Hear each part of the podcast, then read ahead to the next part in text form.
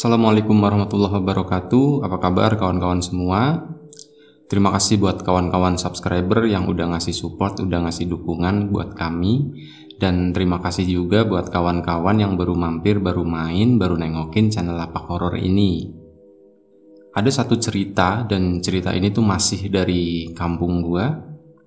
Itu tentang sebuah makam, itu makam yang dikeramatkan gitu ya jadi makam itu itu tanpa nama dan makam itu tuh makam tua ya di mana nisannya itu semuanya pakai batu dan makam itu dikelilingi juga sama ini sama batu-batu besar ya batu bata besar. E, bukan ukuran batu bata yang sekarang ya tapi batu bata dulu yang tebel dan besar-besar gitu. Jadi kalau kita sepintas ngelihat aja itu udah tahu oh kalau itu tuh kuburan tua Meskipun kuburan itu tanpa nama, tapi orang-orang itu nyebut kuburan itu itu kuburannya Mbah Serit. Gue sendiri kurang tahu ya, kenapa nama kuburan itu dinamain Mbah Serit karena nggak ada literatur yang ngebahas masalah itu dan masyarakat juga nggak tahu asal muasal kenapa di situ sampai ada kuburan. Jadi tahu-tahu itu tuh dulunya kebun gitu kan, terus ya ternyata ada itu gitu. Nah, kejadian ini tuh gue alami pas gue masih kecil. Seperti biasa, eh, gue suka main sama anak-anak gitu kan, namanya anak kampung. Itu sering banget mainnya di kebun gitu. Mungkin ya hampir tiap hari mainan kita tuh di kebun karena belum ada gadget, belum ada apa ya. Nah, hobi kita dan mungkin kalian juga yang kecil misal pernah hidup di kampung juga pernah ngalamin nih kayak gini nih. Jadi dulu tuh kita sering banget misal ada sesajen gitu ya sesaji orang dulu kan masih sering tuh ngasih-ngasih sesaji gitu. Nah kita tuh sering banget nyolongin tuh makanan-makanan yang ada di sesaji itu. Ya kita lihat-lihat sih kalau misal wah kayaknya enak kayak biasanya tuh ada kuaci terus ada jajanan pasar kayak gitu kan. Nah itu kesukaan kita. Itu tuh biasanya kita embat gitu. Kita nunggu dulu yang naruh sesaji pergi terus habis itu udah kita berebut tuh bocah-bocah. Nah sama itu pun pernah kita lakuin beberapa kali kita lakuin itu di kuburan keramat itu kuburannya Mbah Serit ya. Sebenarnya kita udah pernah dibilangin jadi udah diwanti-wanti gitu. Kalau sesajen yang ada di belakang rumah atau di mana gitu itu boleh diambil gitu. Tapi kalau misal jangan berani-berani ngambil yang di sana gitu. Karena itu kuburan angker nanti ntar kesambet intinya gitulah dan emang benar itu kayak jadi ketakutan tersendiri buat kita ya. Dan hampir semua masyarakat gitu itu percaya kalau di lingkungan situ itu adalah spot paling angker di kampung gua. Jadi pusatnya tuh di situ di makam itu. Bahkan siang pun gitu ya kalau misal orang harus lewat ke situ itu pasti agak menjauh ya. Jadi nggak ngedeket deket sama makam itu apalagi sampai masuk ke komplek si kuburan itu. Jadi kuburan itu tuh dikelilingi sama pohon-pohon kecil. Gue nggak tahu ya lupa itu pohon apa gitu, tapi ada lah di pagerin gitu ya. Tapi pagernya itu pakai tanaman-tanaman gitu. Dan itu termasuk dirawat ya, karena warga kampung kita juga nganggap itu sebagai tempat yang keramat. Jadi ada aja yang ngebersihin kayak gitu. Soalnya di situ juga banyak orang-orang yang minta-minta kayak gitu. Pokoknya ini banget lah. Itu tuh suram banget gitu balik lagi ke gua dan kawan-kawan. Pernah pada satu siang gitu ada satu teman gue emang bandel banget ya dia. Dia tuh nggak takut apa-apa gitu pokoknya bandel banget lah bocahnya tuh. Udah uh, karena kita satu geng gitu kan dan kita kebawa sama bandelnya dia gitu akhirnya dirayu lah kita yuk ngambil yang di sana yuk gitu. Tadi ada katanya orang baru naruh sesajen dan sesajennya enak-enak gitu. Ada telurnya segala macem kayak gitu. Ada kue lapis katanya. Punya enak-enak lah katanya. Ya udah setelah akhirnya sebenarnya gini. Awalnya sih kita agak takut ya janganlah antar kesambet gitu kan. Tapi lama-lama gitu kan udah nggak apa-apa gitu. Cobain aja katanya.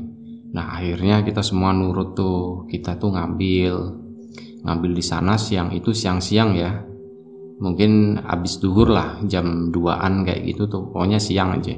Nah kita ambil terus kita makan. Kita makannya tuh nggak makan di spot situ ya karena ntar ketahuan sama orang kan pasti diomelin. Itu biasanya kita ambil terus udah kita kabur kita lari gitu kan. Kita makan di rumahnya siapa gitu. Itu pengalaman pertama itu aman-aman aja. Nggak ada apa-apa nggak ada masalah gitu. Akhirnya kayak gitu kan jadi kebiasaan kan karena nggak ada apa-apa gitu akhirnya kita jadi keseringan jadi kebiasaan gitu sering ngambilin sesajen di sana sampai akhirnya pada suatu hari gitu ya itu tuh kita pernah nah kejadiannya tuh sore hari itu udah sore lah uh, udah hampir sendekala ya tapi belum sendekala mungkin sekitar jam 5 sorean dan waktu itu kondisinya udah mulai agak gelap gitu karena di situ kan sekelilingnya tuh banyak pohon bambu. Jadi kalau udah sore itu udah mulai gelap. Meskipun sebenarnya masih terang ya, cuman karena itu tadi banyak tanaman rindang banget gitu, akhirnya jadi kelihatan lebih angker dan lebih gelap gitu.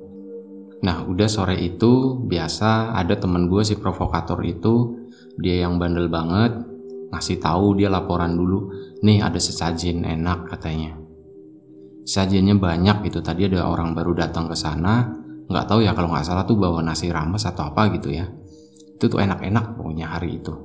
Akhirnya tanpa pikir panjang gitu kan. Tapi sebenarnya gini kita tuh uh, agak ragu karena pas itu hari udah mulai gelap gitu kan.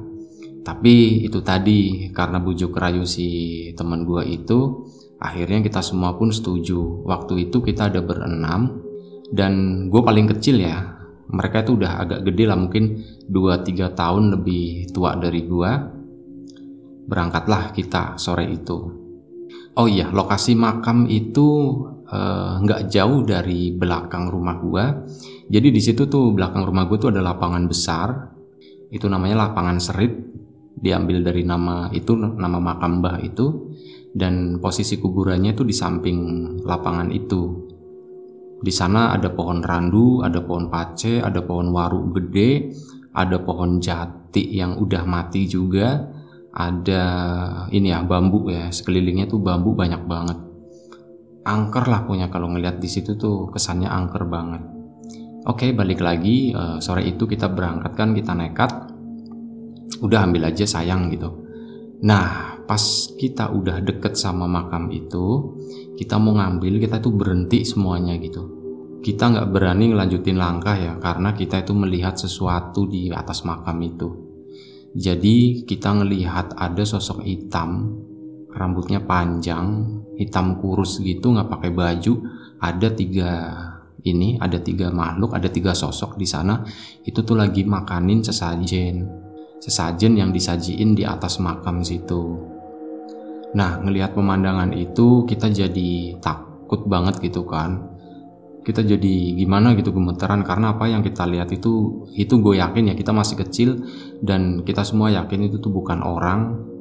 Itu tuh nggak tahu entah makhluk sejenis apa gitu, entah jin, entah siluman atau apa pun gitu. Pokoknya itu bentuknya tuh nggak wajar ya, bukan yang sering kita lihat. Kalau mungkin kalau bentuknya kuntilanak atau pocong kayak gitu itu kan mainstream banget kan, atau genderuwo kayak gitu kan mainstream lah itu. Nah ini tuh agak beda jadi orangnya tuh sosoknya itu kurus-kurus tinggi-tinggi gitu. Cuman kita nggak ngelihat dia berdiri ya. Uh, kita ngelihatnya tuh dia lagi ngebungkuk. Ada tiga sosok situ dan mereka tuh lagi makanin sesajen yang disediakan di sana gitu. Akhirnya kita berhenti dan kita putar balik kan. Dan sebelum kita putar balik, ada salah satu temen gua namanya Minto. Itu dia tiba-tiba diem dia nggak mau jalan gitu kita kan bingung kan kita udah mau lari gitu kan kita lari udah lari di depan gitu. Nah dia tuh masih diem aja tapi posisinya udah balik badan dan dia diem aja. Kita kan jadi takut gitu kan akhirnya kita tarik gitu kan si mintonya. Nah pas kita tarik dia tuh nggak bergerak sedikit pun gitu itu badannya berat banget. Kita semua berlima itu nggak ada yang kuat narik dia. Akhirnya dua temen gua dia lari duluan gitu kan kita ditinggalin bertiga di situ berempat sama si Minto itu tadi Nah, berdua itu mereka akhirnya lari e, pulang ke rumahnya manggil orang tuanya karena rumahnya paling deket dari situ. Nah, setelah manggil orang tuanya, orang tuanya udah datang gitu kan. Sama ada beberapa tetangga datang juga. Mereka juga berhenti gitu. Katanya mereka itu ngelihat si Minto tuh lagi dipegangin sama sosok hitam yang tinggi banget ya, sosok kurus kukunya panjang-panjang warnanya hitam banget nah si Minto itu lagi dipegangin sama itu jadi dia nggak bisa gerak ke mana-mana Nah posisi gue waktu itu kan lagi narik-narik minto, kita itu nggak ngelihat apa-apa gitu. Cuman kalau kata si orang tua itu, orang-orang tua itu yang baru pada datang tuh mereka ngelihat makhluk kayak gitu. Akhirnya kita pun dipanggil gitu kan, kita panggil sini sini sini sini sini katanya. Udah tinggalin tinggalin tinggalin katanya. Ya udah ditinggalin akhirnya si mintonya kita bertiga ninggalin lari kan, ngejauh dari situ. Dan ada salah satu uh, bapak-bapak ya gue nggak usah nyebutin nama lah uh, dia tuh kayak juru kunci makam itu. Dia yang sering ngebersihin ya ngebersihin makam itu. Dia tuh ngedeketin si Minto terus gue nggak tahu ya mungkin entah didoain atau mungkin dia komunikasi sama sosok jin itu. Akhirnya uh, si Minto pun bisa ini bisa jalan lagi nah setelah jalan si Mintonya beberapa langkah gitu terus tiba-tiba dia jatuh pingsan.